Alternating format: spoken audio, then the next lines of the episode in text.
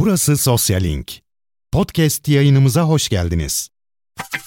Dün, bugün, gelecek. Konuşuluyor bugünün ötesinde. Dün, bugün, gelecek. Dün, bugün, gelecek. Bugün Ötesi Podcast serimizin 108. bölümünden tüm dinleyen ve izleyenlerimize merhaba. Sevgili Dahan Uzgur'la birlikte bir hafta aradan sonra yine sizlerle birlikteyiz. Evet. 108. bölümdeyiz sevgili Dahan. Heyecanlı mısın? Heyecanlıyım. Gireceğiz mi siyasete? Vallahi Bazı laflar hazırladım. girelim var mı? Hazırladım. Evet. Çünkü çok asabım bozuldu. Heyecanlandıracaksan söyle. Ha. İddialıysan söyle. Kadınların siyasete malzeme olmasına hani çok hoşumuza gitmiyordu ya. Ya bu kadar özgürlüklerinin ortadan kalkmasını destekleyen siyasi oluşumların iktidara gelme ihtimalinin konuşuluyor olması iyice asap bozucu oldu. Herkes bir kendine çeki düzen versin. 30 yıl önce adamların fantezi dünyasında bir gün gelirsek yaparız dediği şeylerin şu anda masada tartışma konusu olduğunu görüyorum. Çok marjinal olarak görülen bu siyasi partilere dahi yönelilmiş olması önümüzdeki seçimlerin ne kadar kritik bir eşikte geçeceğinin de göstergesi. Hiçbir anket şirketi 3 Kasım 2002'deki seçim sonuçlarını ölçecek anketler ortaya sermiyordu seçimden hemen önce. Ben aktif gazetecilik de yaptığım için o dönemde çok iyi biliyorum. Çok büyük sürprizlere neden olmuştu. Aynı sürpriz bir tablonun önümüzdeki 14 Mayıs seçimlerinde de ortaya çıkacağını hissediyorum. Hele hele Cumhurbaşkanlığı seçimi pek muhtemelen 3 aday arasında geçecek gibi gözüküyor. Muharrem İnce'nin ben son anda çekileceği kanaatindeyim. En kötü olasılık 4 adaylı bir yarış ama aslına bakarsan 2 adaylı bir yarış gibi olacak. Önümüzdeki haftalarda seçim vaatleri gündemiyle bu süreç hızlanacak gibi gözüküyor. Siyaset defterini kapatalım mı? Kapatalım. Evet sevgili Dağın, her bölümümüzde son haftalarda sıklıkla konuşuyoruz. Yapay zeka alanında ilginç gelişmeler oluyor dünyada. Çok hızlı gelişmeler oluyor. Hatta o kadar hızlı gelişmeler olmaya başladı ki bazı teknoloji liderleri hop arkadaş biraz frene basalım çok hızlı gidiyoruz demeye başladı. Aralarında çok popüler isimlerin de yer aldı. İşte Steve Wozniak, Elon Musk gibi. En son bugün biz kayda girmeden önce 1400'ü falan filan bulmuştu. Bir bildiri yayınladılar. Dediler ki Chat GPT benzeri yapay zeka teknolojilerinde birazcık duralım. Bir 6 ay herkes dursun. Çok ürkütücü bir hale almaya başladı ve biraz hani düzenleme yapalım. Etrafı bir çekip çevirelim. Ne oluyor, ne bitiyor bir bakalım. Ona göre yol almaya başlayalım. Hatta bu bildiri de Future of Life isimli bir kar amacı gütmeyen bir enstitünün öncülük ettiği bir girişim ve bildiri. Ne diyor bu bildiride bu teknoloji liderleri? Bir iki paragraf var onu ben bir okumak istiyorum çünkü önemli vurgulamaları. Deniyor ki çağdaş yapay zeka sistemleri artık genel görevlerde insanlarla rekabet edebilir hale geliyor ve kendimize şu soruyu sormalıyız. Makinelerin bilgi kanallarımızı propaganda ve gerçek olmayan şeylerle doldurmasına izin vermeli miyiz? Tatmin edici olanlar da dahil olmak üzere tüm işleri otomatikleştirmeli miyiz? Sonunda sayıca üstün olabilecek, zekice üstün gelebilecek, modası geçmiş ve bizim yerimizi alabilecek insan olmayan zihinler geliştirmeli miyiz? Medeniyetimizin kontrolünü kaybetme riskine girmeli miyiz? Bu tür kararlar seçilmemiş teknoloji liderlerine devredilmemelidir deniyor. Şimdi tabii ki bu vurgular çok önemli. Sorular eşliğinde ki bunları gerçekleştirenler de aslında bu teknoloji liderlerinin öncülük etmiş olduğu şirketler aşağı yukarı. Bir noktaya getirdikten sonra bu teknolojiyi artık öyle bir tabloyla karşı karşıyayız. Biliyorsunuz yapay zekada üç aşama var. Bir dar yapay zeka dediğimiz yani sınırlı görevleri yerine getiren işte Siri gibi, Google Translate gibi uygulamalar. Bir de şu anda içine girmek üzere olduğumuz ki bu bildiri de ona karşı dile getirilmiş düzeyde genel yapay zeka dediğimiz yani insan zekasına paralel benzer bir zeka. Bir de gelecekte süper yapay zeka dediğimiz aşamaya geçilmesi bekleniliyor ki o aşama artık insan türünün artık transhümanizm gibi kavramlarla adlandırdığımız bir durum. Bir fotoğrafı durum ortaya koymaya çalıştım. Ne diyorsun artık senin de mesela tüylerin diken diken oluyor mu? ChatGPT'yi kullandığını biliyoruz. 4 devreye girdi bir ay önce. yaklaşık e, herkesin tüylerini diken diken etti. Sen de bu bildirinin altına imza atmaya hazır mısın? Elon Musk geçtiğimiz yıllarda bu tehlikeye karşı uyarmıştı ama teknoloji konusundaki tabii öncülüğünü de herkes takip ediyor ama özellikle yapay zeka konusunda biraz daha insanlık dikkat etsin demişti. O zaman biraz benim aklımda şöyle şüpheler oluşmuştu. Acaba işte kendi teknolojisi yatırım yapmadığı bir alanda Ki OpenAI'nin kurucularından ortaklarından. 2018'e kadar da hissedardı. Evet, sonra öyle bir gelişme oldu. Şimdi hep diyoruz ya para kazandığı için bu teknoloji artık iş çığırından çıktı. Yani her gün binlerce örnek var. Gündeme almak zorunda kalıyoruz. İşte fotoğraf yapanı var.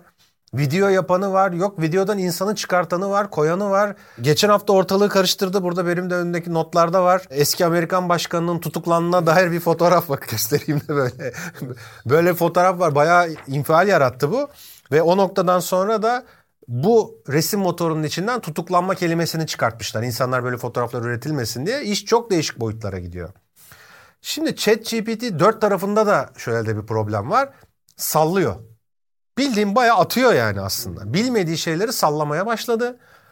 Benimle ilgili mesela bir soru sorduğun zaman bazen doğru yanıt veriyor, bazen sallıyor. Daha Nuzgur diyor İstanbul'da kurulmuş diyor bilmem ne şirketinin diyor işte şuyudur buyudur sallamaya da başladı. İşte tehlike tam burada başlıyor. Az önce söylediğimiz konu. Bilmiyorum demiyor. Karşı tarafı mutlu, memnun edebilmek için sallamaya da başladı. Ha bu bilgiyi neden dolayı böyle söylüyor? Algoritmada bir problem mi var onu bilmiyorum. Ama insanlar şöyle bir risk oluşturur hale geldi. İnsanlar yüzde yüz bir şekilde yapay zekanın ürettiği metinlere, resimlere falan güveniyorlar. Hani iyisini yapar bu diyorlar. Arada sallayıp sallamadığının kontrolünü nasıl yapacaksın? Evet, çok büyük bir problem. Ben benimle ilgili sorunun doğruluğunu kendim sorduğum için tespit edebiliyorum. Ama başka bir soru sorduğum zaman sallayıp sallamadığını nereden tespit edeceğim yani. Bayağı açıktan sallıyor da olabilir. İşte burada yapay zeka yine insanları mutlu etmek için istedikleri yanıtları vermeyi başlarsa hep bizim söylediğimiz şey sosyal medyada neydi? İnsanlar daha fazla rating alan, daha fazla beğeni alan içerikler üretecekler ve üretiyorlar. E bu da toplumsal olarak bir yıkıma sebep olur diyorduk. Şimdi başımıza bir de böyle bela geldi. Talep ettikleri 6 ay boyunca durma ne sağlayacak? Bunu da merak ediyorum. Bu konsorsiyum, kurulan konsorsiyum 6 ay boyunca derhal duraklasın ve kendimize bir çeki düzen verelim demiş. Ama ben hani bir şey sağlayacağını düşünmüyorum açıkçası. 6 ay durmak ne kazandırır insanlığa? Burada işin bu 6 ay vurgusunun ilginç boyutlarından bir tanesi o kadar hızlı gelişmeler oluyor ki. 6 ay aslında dediğin gibi son derece kısa bir süre. Ama 2 hafta sonra biliyorsun GPT-4 lansmanı yapıldığı günün akşamında entegre edip kullanan markalar oldu. O kadar hızlı. Yani bırak 6 ayı bir gün, üç gün, beş gün, bir hafta içerisinde bile sektörü etkiler hale geldi. Herhalde regülasyonlar anlamında bir takım düzenlemeler yapılmasını umut ediyor. Bir önümüze, arkamıza, sağımıza, solumuza bakalım gibi bir şey arayış Kurallar oldu. konsun, internetin nasıl dünya çapında kuralları var ve aşılamadı ve yıkılamadı yani onlarca yıldır internetin teknolojisi zamanında kuralların konduğu şekilde ilerliyor. Ama işin içinde bu kadar gelir olan, para olan bir şeyi yani nasıl engelleyebileceksin? Ondan para kazananlar var şu anda. Mesela ChatGPT'nin API'ını kendine monte etmiş, ürün çıkartmış insanlar var. Bu insanların şu an para kazanmasına da mani olacaksın. Geçen gün deneysel bir çalışma yapmış bir Türk yazılımcı kahve önerisi yapıyor sana. Diyorsun ki elimde şunlar şunlar var mesela işte güzel bir kahve bana tarifi yap diyorsun. ChatGPT arkadan API'ni kullanarak sana kahve tarifi veriyor. Veya benzer bir şekilde sadeleştirip sadece belli site kuranlar var bundan. İşte bana şunu yap. Halbuki arkada ChatGPT çalışıyor. Şimdi bunların da para kazanmasını durduracaksın o zaman. İş çığırından çıktı bilmiyorum. Aslında şu anda uygulamaya geçmiş aşamasının durdurulmasını değil de bundan sonraki olası geliştirme süreçlerinin durdurulması. Artık çok geç. Aklıma Terminator filmi geliyor. Terminator filminde nasıl ilk robotları yapan firmayı yok etmek üzere daha doğrusu onun işte mühendisi olanı yok etmek için robot gönderiyorlar. Gelecekten geliyorlar. Belki bundan bir 100 yıl sonra falan da bugünlere bugüne geri dönüp yapay zekanın icadının engellenmesi veya gidişatın durdurulması ile ilgili bir kararlar çok geç olmuş kararlar zaman yolculuğu yapmak gerekecek bunları durdurmak için. Çünkü aynı Terminator filminin olduğu gibi onda da insanlar bu işin tadını alıyorlar robot işinin. Daha sonra süper robotlar geliştiriyorlar ve robotlar insanlığı yok edip yönetimi ele geçiriyor. Bir kurtuluş örgütü de bunu durdurabilmek için zaman yolculuğu yapıp Terminator'ın icat olduğu zamana dönüyorlar. Bu tam o zaman işte. Yani eğer gelecekte pişman olup geri dönecekleri gün varsa o bu. Çok ilginç bir konu ve biz bunu gün ve gün yaşıyoruz şu anda. İşsizliği arttırdı. İşten çıkartmalar çok ciddi seviyeye geldi ve daha da entegrasyonu da daha tam tamamlanmadı. Şimdi Google Bard diye bir şey çıkarttı. Microsoft ChatGPT içine soktu. Şimdi Siri ile ilgili millet Apple kullanıcıları laf etmeye başladı. Diyorlar ki ya Siri de çok aptal aptal konuşuyor. Keşke ChatGPT olsa da her sorduğumuza yanıt verse. E yarın öbür gün ev otomasyon sistemlerini falan filan da buna emanet etmek isteyeceğiz. Kalkıp böyle hani içerisi 23 derece olursa bilmem neyi yap çok basit gelecek bize. Diyeceğiz ki ya kendi karar versin işte gitsin baksın falan filan. E, bizi evde haşlayıp veya dondurmayacağının garantisi var bir chat GPT'nin. Az önce ne dedim? Benim istediğim yanıtı bana uyduruyor. Tamamen kafasına göre takılıyor yani. Bilmiyorum diyebilir. Böyle bilgi yok diyebilir. Onu demek yerine uydurmaya başlıyor. Ve bu bir süre sonra insanlar zaten tembelliğe çok meyilli olduğu için araştırmayı da buna emanet ettiğimiz zaman sahte bilgilerle ortalık dolacak. Yeni geliştirilen yapay zekalar uydurulmuş bilgiyi alacaklar, sentezleyecekler. Ortalık tamamen bir sahte bilgi yumağına veya insanlığın hayatını etkileyecek bir hale gelebilir. Ama bu gidişata da tabii ki dur demek mümkün değil. Şart ama mümkün değil. Bir kere kanın tadını aldı insanlık bundan. Para kazandı. İşin içinde para olduğumu kimse durduramaz teknoloji. Şimdi bak GPT 4'ü konuşuyoruz. Ortalığı kasıp kavuruyor ki GPT 3 bile bayağı sansasyonel bir tablo yarattı. 4 bayağı saçmış vaziyette. Mesela OpenAI GPT teknolojisini geliştiren OpenAI'ın önümüzdeki aylarda Aralık ayında 5. versiyonu kullanıma sunacağı buna yönelik çalışmalara başladığı söyleniyor ve GPT 5 ile birlikte genel yapay zeka seviyesine OpenAI'nin ulaşmak istediği konuşuluyor. Yani şu anda bir insan zekasının geliştirebileceği, üretebileceği, yaratıcılığına sahip vasıflara kavuşmuş olacağız. Genel yapay zeka seviyesine ulaşmış olacağız. Sanın, zannediyorum bu teknoloji liderleri bu sürecin de farkında oldukları için birazcık da OpenAI'ya frene bas demeye çalışıyorlar. Da şunu söyleyeceğim. OpenAI open kalsaydı olurdu. Geçen hafta da Evet insanlık namına bakın şu anda az önce bahsettiğim bu API desteği parayla satılıyor. Yani ChatGPT'ye gönderdiğiniz her bir sorgu için firmaya para ödüyorsunuz. Arkada ben bir yazılım ve bir veya web sitesi geliştirmişim, bir servis geliştirmişim. Bundan bir gelir modeli hedefliyorum ve oradan da ChatGPT'ye de para ödüyorum. Hadi sen şimdi dur diyorsun buna. Ya para akışını durduruyorsun yani. OpenAI bunu kabul eder mi? Almış paranın tadını. Dünya kadar para ödeniyor. Her bir sorgunun bedeli var. Free olarak yapabileceğimiz günlük sorgu limitleri falan bayağı düşürüldü. Herkes üye oluyor kullanabilmek için. Para ödüyor şu anda buna. Ve mesela sen ona diyorsun ki geliştirme işte ne bileyim. Yarın öbür gün 5 çıktığı zaman biraz daha para isteyecek. Nasıl bunu durduracaksın? İşin içine para girdi. Para girdi mi ahlak namus kalmaz. İşin nereye gideceğini ben de merakla izliyorum. Geçenlerde bir haber vardı. Haberin vurgusu o da şuydu. Deniyor ki yapay zeka teknolojisi insanlık tarihinin bulduğu, keşfettiği en büyük teknoloji. İnsanlık bugüne kadarki en büyük keşfini yaptı. Yapay zeka ile. Elektrik insanoğlunun hayatına girdiği zaman, elektriği keşfettiği zaman yaklaşık 50 yıl kadar elektriği nasıl kullanacağını çözmeye çalıştı. İşte sokak aydınlatmasında, İngiltere'de, Londra'da, Avrupa'nın farklı kentlerinde elektrik sokak aydınlatmasıyla daha sonra küçük üretim atölyelerine girdi. Ama elektriğin gücünü ne zaman keşfetti insanoğlu biliyor musun sevgili Dağ? 1920'lerin başında. Dedi ki insanoğlu ya biz bu elektrikle Yalnızca sokak aydınlatması değil. Ya biz elektrikle buzdolabı da üretebiliriz. Fırın üretebiliriz. Ütü üretebiliriz. Çamaşır makinesi üretebiliriz. Fişi ve prizi keşfetti. Evet evet elektrikten çok sonra. Çok sonra keşfedildi. Yani priz ve fiş keşfedildi, bulundu ve onunla ütü yaptık, buzdolabı yaptık ve insan hayatında büyük değişikliklere yol açtı. Şimdi internet son 30 yıldır yaklaşık öncesi de var da sıradan insanların hayatına girdiği dönemi baz alacak olursak. Şimdi yapay zeka nasıl bir şey yapıyor biliyor musun? Aynı 1920'lerin başındaki sürece benzer bir şey. Şimdi biz insanoğlu yapay zeka ile internet teknolojisi ve üzerine geliştirdiği yapay zeka ile birlikte biliyorsun eğitimden güvenlik, sağlık alanına inanılmaz uygulamalar, teknolojiler geliştiriliyor. Aynı elektriğin buzdolabına dönüşmesi gibi, fırına dönüşmesi, ütüye dönüşmesi gibi yapay zeka ile birlikte bütün gündelik yaşamımızı, ekosistemimizi alt üst ediyoruz. Ama tek büyük bir farkla. Fırın insanın yaratıcılık ve varlığı ile ilgili o özelliklerine talip olmadı. Aksine daha çok yeni yemekler keşfine sebep oldu belki de. Öncülük etti. Bir yani fotoğraf çekmeye ihtiyaç var. Durup bir soluklanmaya evet yapabiliyoruz. Teknolojiyi geliştirebiliyoruz ama insanın hayatını nasıl değiştirecek, neyle karşılaşacağız yarın öbür gün, ne kazanıyoruz ve ne kaybediyoruz? Bunun tespit edilmesine ihtiyaç var diye düşünüyorum. Evet. Şey de var yani yancı konular da var tabii ki. Hani dakika çok ilerledi diye aslında hızlanabiliriz orada da. Bir tane benim aldığım notlarda var mesela. Robot mu değil mi test için web sitelerinde captcha kodları vardır. Veya işte ne bileyim yangın musluğunu bul, elektrik direğini işaretle falan. Onu da ChatGPT aşmış. Açtı evet. Şimdi güvenlikle ilgili de böyle bir zafiyet de ortaya çıkarttı.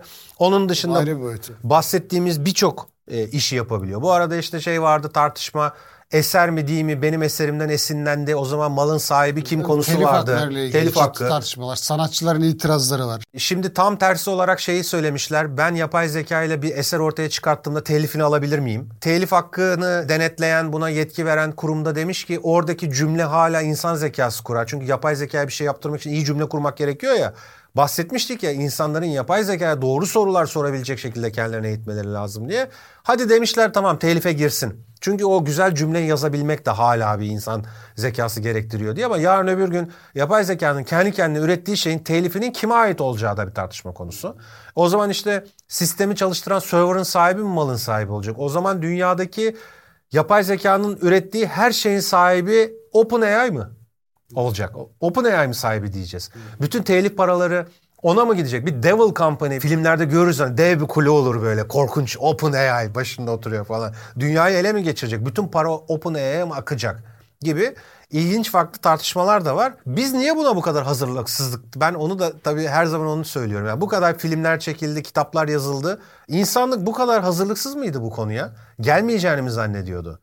Daha farklı gelecek şeyler de var. O zaman şimdiden hazırlığını yapsın. 6 ay durdurmak bu işi kesmeyecek. Onu ben söyleyeyim yani. Herkes bir an önce ayağını denk alsın, planını ona göre yapsın. Ülkeler de, hadi boş ver diğer ülkeleri, biz Türkiye olarak da buna şu an hemen hazırlık yapmaya başlamamız lazım. Kesinlikle. Şimdi yine bununla bağlantılı başka bir kurumuz var yani.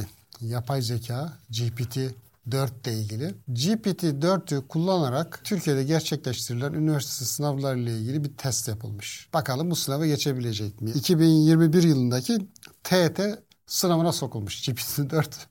Anasını ağlatmıştır tabii.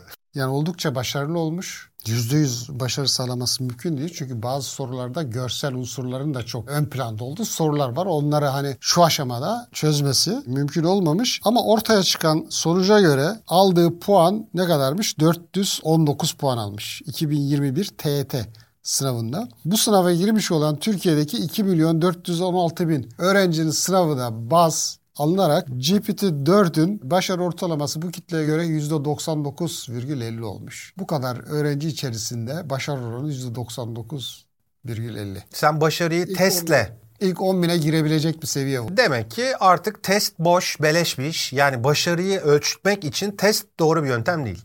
Yani bir yapay zeka o teste girip herkesten 99.5 kişiden daha iyi bir sonuç ortaya çıkartabiliyorsa o zaman ölçme ve değerlendirmede test bitmiştir. Evet. Çünkü Eğitim bitmiştir. bu saatten sonra yani test niye yapılıyor? Ölçmek için hani başarıyı daha doğrusu bilgiyi test etmek için yapılıyor. Bu yöntem ölmüş yani. Çoktan seçmeli test sınava dayalı bilmem ne ölmüş. Artık öğrencilerin eğitim hayatları boyunca puanlandığı bir sisteme geçilmesi lazım demek ki. Yani eğit eğit eğit git bir sınava sok oradan başarıyı ölç falan bitmiş yani. Çünkü bu teknolojiyi kullanarak sınava giren öğrenciler de olacaktır şu an. Onlar düşünüyorlar. ya ben bunu saatten mi yapay zeka oradan hani Yanlış yapmayalım. Apple Watch'tan mı oradan çalıştırsam falan. Bitti konu. Geçen hafta şeyi gösterdik ya fotoğrafını gösteriyorsun web sitesi üretiyor. Test kağıdının fotoğrafını gösterdiğinde de sonuçları yapabilir. Bir şeyi sormana da gerek kalmadı çünkü. O zaman bu testli böyle milleti topla sınıfların içine test yap falan konuları Şimdi bitti. Bak, biraz önce bir şey söyledin ya oraya tekrar dönmemiz lazım. Ne dedin? Bu yapay zeka teknolojisi elimizin altında mı ve gelişiyor mu? gelişme ihtimali perspektifte önümüzde duruyor mu? Duruyor. Bu hayatımıza girdi mi? Girdi. Bitti bu iş Kaçınılmaz bir şekilde. Bitti. Biraz önce dedi ya doğru soruyu sorabilmek maharet. Demek ki eğitim sistemimizi bu teknoloji elimizin altındaysa, gündelik yaşamımıza girdiyse, iş yaşamımıza, işte her türlü alana girdiyse o zaman biz demek ki yetiştireceğimiz insanları, gençleri, çocukları doğru sorular sorabilir hale getirmemiz lazım. Analiz yapabiliyor olması lazım. Birlikte yapay zeka ile çalışılabilir hale getirmemiz lazım. Biraz- Yarıştırmak değil de. Derinleştireyim mi? O zaman soru sormak için yetiştirdiğimiz insanlar ne olacak? Yani benim dizim ağrıyor doktor bey. Benim hastalığım nedir diye biz eğitiyoruz ya bu adamı. Yıllarca eğitim veriyoruz. E o zaman ben bu sorunun cevabını yapay zekadan alıyorsam niye onu yetiştirmekle uğraşayım ki doktor diye bir şeyi? İşte son 6 ayda son 6 ayda olan şey olacak. Ee, 5000 kişi işten çıkartıldı. X büyük dev şirket şu kadar bin kişi işten çıkarttı. Bunların hepsi söylemiş olduğu gibi yüksek eğitim almış olan Şu an yapay zekanın eli kolu bacağı fiziksel şeyleri olmadığı için cerrahlık belki hala devam etmek zorunda kalacak. Kalp ameliyatı Ama veya işte... radyologlar için mesela şu anda çok alarm zilleri çalıyor. Çünkü şöyle bir şey var. Bir radyolog hayatında kaç tane film, rapor görebilir, röntgen görebilir? Onun yanında yapay zeka trilyon taneyi tarayabilir bütün dünyadaki. Ve raporları da okuyor çünkü bir yandan. Yani sadece röntgen görmekle, radyoloji sonucunu görmekten değil. Aynı zamanda onların sonuç raporlarını da okuduğu için çok net bir kestirim ortaya çıkartabiliyor. Buralarda da sıkıntılar ortaya çıkacak. İyi soru sorabilmenin yanında soru sorduğumuz insanlarla ilgili de bir takım problemler var. İş çok değişik noktalara gidebilir. Biraz da panik ondan aslında oluşuyor. Zaten vurgulamış olduğum bu nokta ile ilgili de yeni bir rapor da var. Goldman Sachs'ın raporu diyor ki bu raporda Amerika Birleşik Devletleri ve Avrupa'da önümüzdeki dönemde 300 milyon işin yerini yapay zeka alabilir. 300 milyon. Çok ciddi bir oran. Yani bu Avrupa'daki işlerin dörtte birinin ortadan kalkması anlamına geldiği söyleniyor. Şu ana kadar yaşadıklarımız, ortaya çıkan emareler bundan sonra da yaşayacaklarımızın güçlü işareti gibi. Mesela bu işlerin %46'sının idari, %44'ünün yasal, %6'sının inşaat, %4'ünün de bakım ve onarım sektörlerinde olacağı konuşuluyor. Mesela idari konular %46. Yarısı idari konular işte müdürler bilmem neler hani karar alma ile ilgili alım satımcılar falan filan gerek yok ya. Adam çünkü interneti doğru düzgün taradığı zaman adam da diyorum bak yapay zekayı bu arada.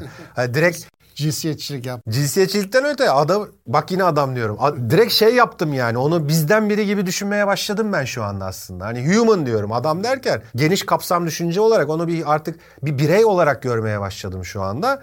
Ve idari işlerin yarısını yapabilir. Çünkü dediğim gibi işte satın alma işi mi yapılacak? Sor yapay zekaya en uygun nerede bu malzeme diye sana yanıt versin. Milimetresini, çapını ver. İnsan hatası da ortadan kalksın. Doğru vidayı, somunu da sana satın alır.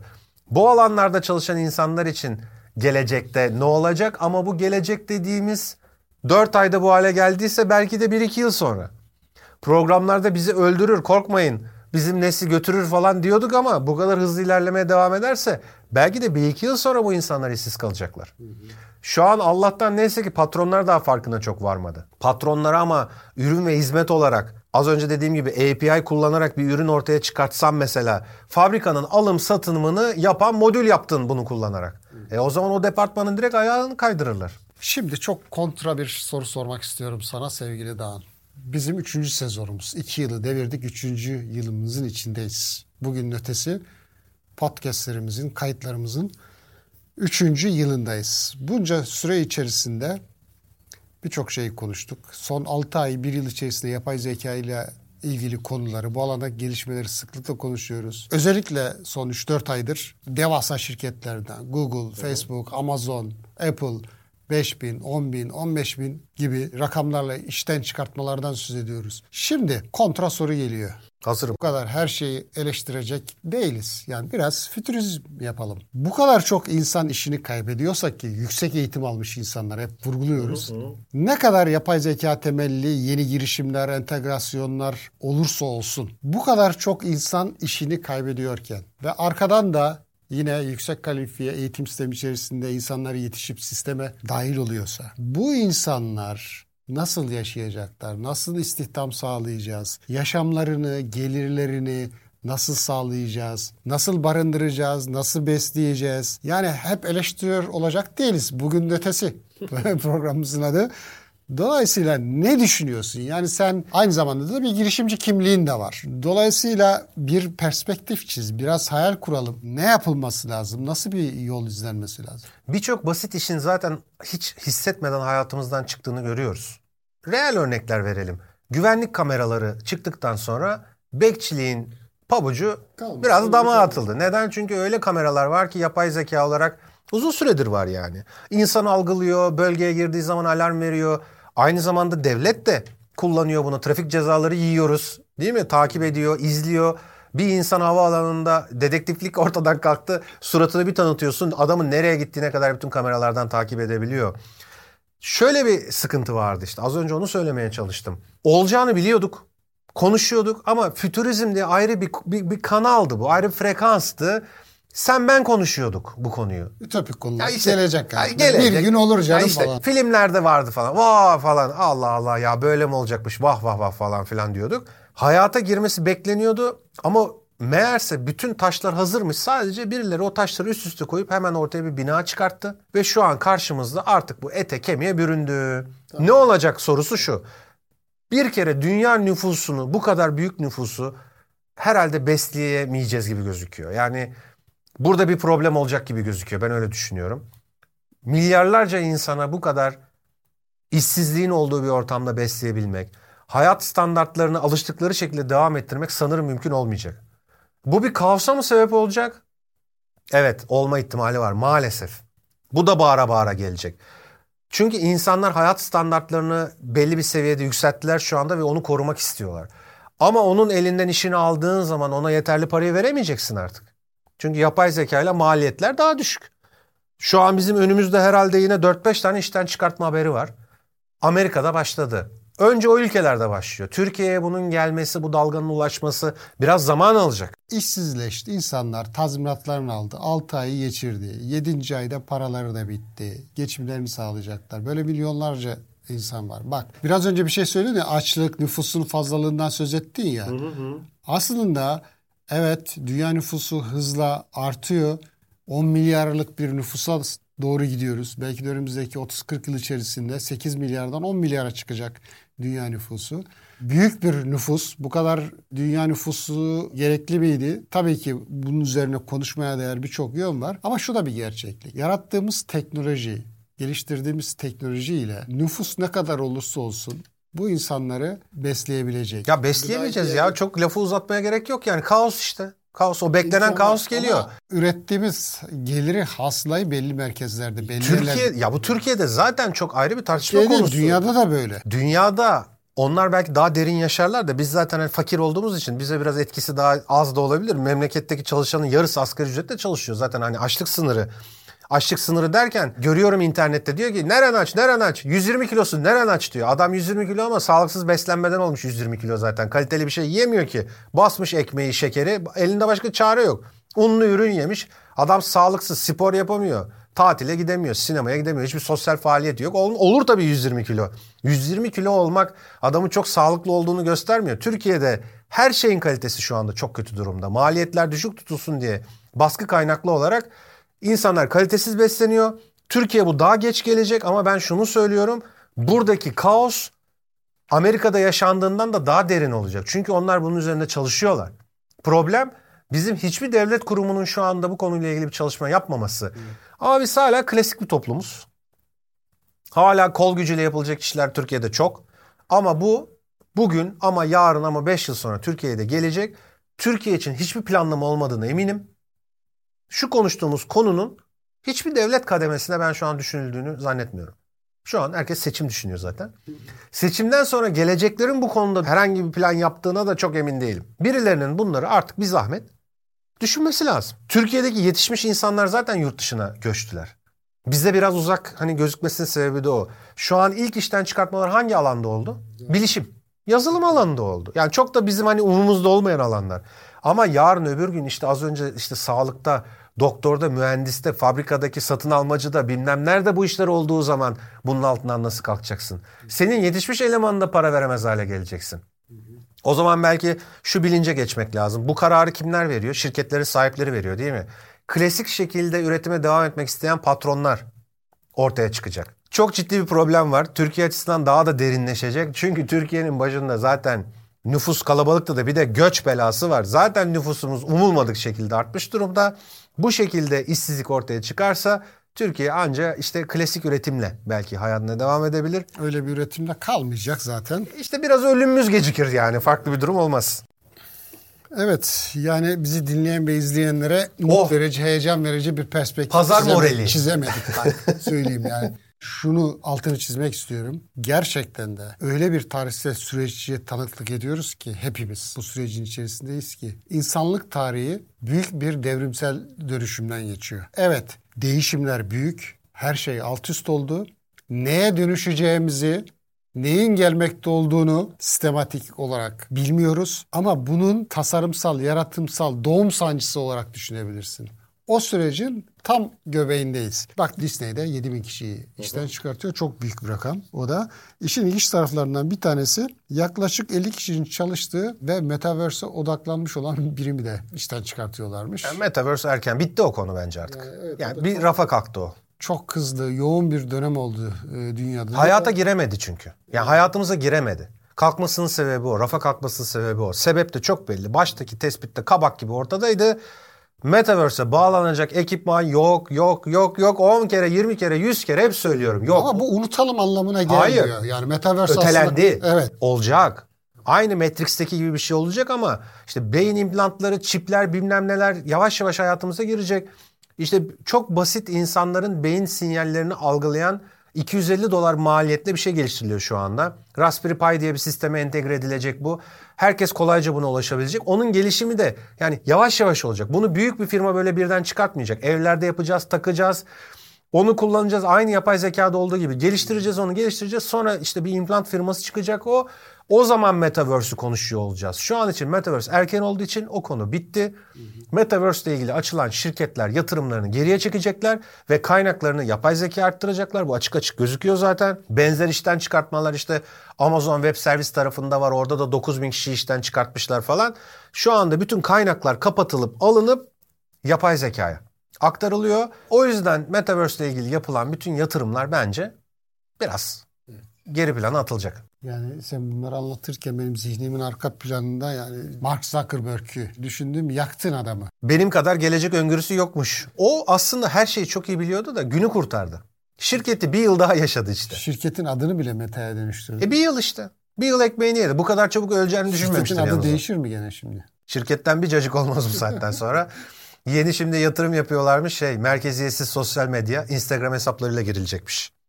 Aynı hani e, yani tamamen kendilerine aykırı olan bir şeyi şu anda teknolojisini çıkartıyorlar. Facebook merkezi sosyal medyadan para kazanan bir şirket değil miydi? Buradan ekmek yedi, buradan servetini yaptı. Şimdi merkeziyetsiz sosyal medya alanında bir açık görünce bu yılki şeyi de kendinin herhalde şirketin başında durmasına malzeme olsun diye bunu yapıyorlar. İşte Instagram hesaplarıyla giriş yapılacakmış da merkeziyetsiz olacakmış da siz o zaman para kazanamazsınız ki kendi ayağınıza sıkıyorsunuz zaten. Ya o şirket bence öldü. Benzer konuları, temaları daha önce de konuşmuştuk. Böyle kısaca geçmiş olalım. Başka bir konuya geçelim. Uzaya merakını biliyorum. Birçok konuyu da yakından takip ettiğini de biliyorum. Zaman zaman kayıtlarımızda da konuşuyoruz. Uzayın etrafında, dünyamızın çevresinde birçok ülkenin, şirketin uydular gönderdiğini ve bir çöplüğe doğru dönüştüğünü hep görüyoruz, okuyoruz. Bir tahmin yap da sen mesela. Uzayda ne kadar insanlığın yaratmış olduğu bir ne diyelim çöp vardır, çöplük vardır. Bir rakam ver desek. Kopya çekerim. Önümde notlar da var ama. Gördüm çünkü. 100 trilyon başıboş parça diyor. İnanılmaz bir rakam ya. yani. 100 trilyon. Ben bu haberi görünce yani binlerce olduğunu tabii ki düşünüyordum. Bazı haberlerde okudum. 100 trilyon inanılmaz bir rakam geldi. Şeyler de var bu arada. Parçalanmış işte ya bir vidayı da sayıyorlar bu arada. Bir somun da sayılıyor. Tamam öyle de olsa yani çok büyük bir rakam değil mi sence de? Dünyanın ne kadar büyük ve uzayın ne kadar büyük olduğunu düşünmemiz lazım. Bazı insanlar algılayamıyor dünyanın büyüklüğünü. Gerçi bazıları dünyanın yuvarlak olduğunu da kabul etmiyor da. Yani onları zaten bunu tahayyül etmesi mümkün Düz değil. miydi yoksa? Ya ama girmeyelim o konuya ya. Ya hala bunu bu zamanda savunan adamlar var. Ya diyor diyorsun ki işte balonu bıraktım gökyüzüne ben çektim görüntüyü diyorsun. Ya onu NASA montajcı falan diyor. Adam hala inanıyor yani buna. O ayrı bir konu. Ama ben o görüşün nereden çıktığını bu arada geçen gün kendi kendime düşünürken buldum. Dünya kıtaları bölünmeden önce yani biliyorsunuz işte bu depremler nedir? Fay hatlarının kayması, işte yer kabuğunun şekli değiştirmesi. Bir öbek halinde bütün dünya tekmiş kıta. Ondan sonra zaman içinde dağılmış. Muhtemelen oralardan gelen bir bilgi var. Hani bütün kıtalar bir arada olunca hani satıh düz yani yürüyorsun gibilerinden. Dünyanın diğer tarafında kıta yok falan diye. Herhalde oradan yüzyıllardır belki milyonlarca yıllık bir bilgiyi taşıyorlar onlar ama arkadaşlar ya zaman bayağı gelişti ya. Hani siz de bir balonun ucuna bir kamera bağlayın da bir salın da görün yani. Yani dünyanın yuvarlaklığını neyse. Dünyanın etrafında evet hurdalar dönüyor dönmeye de devam edecek alçak yörünge uyduların ömürleri var.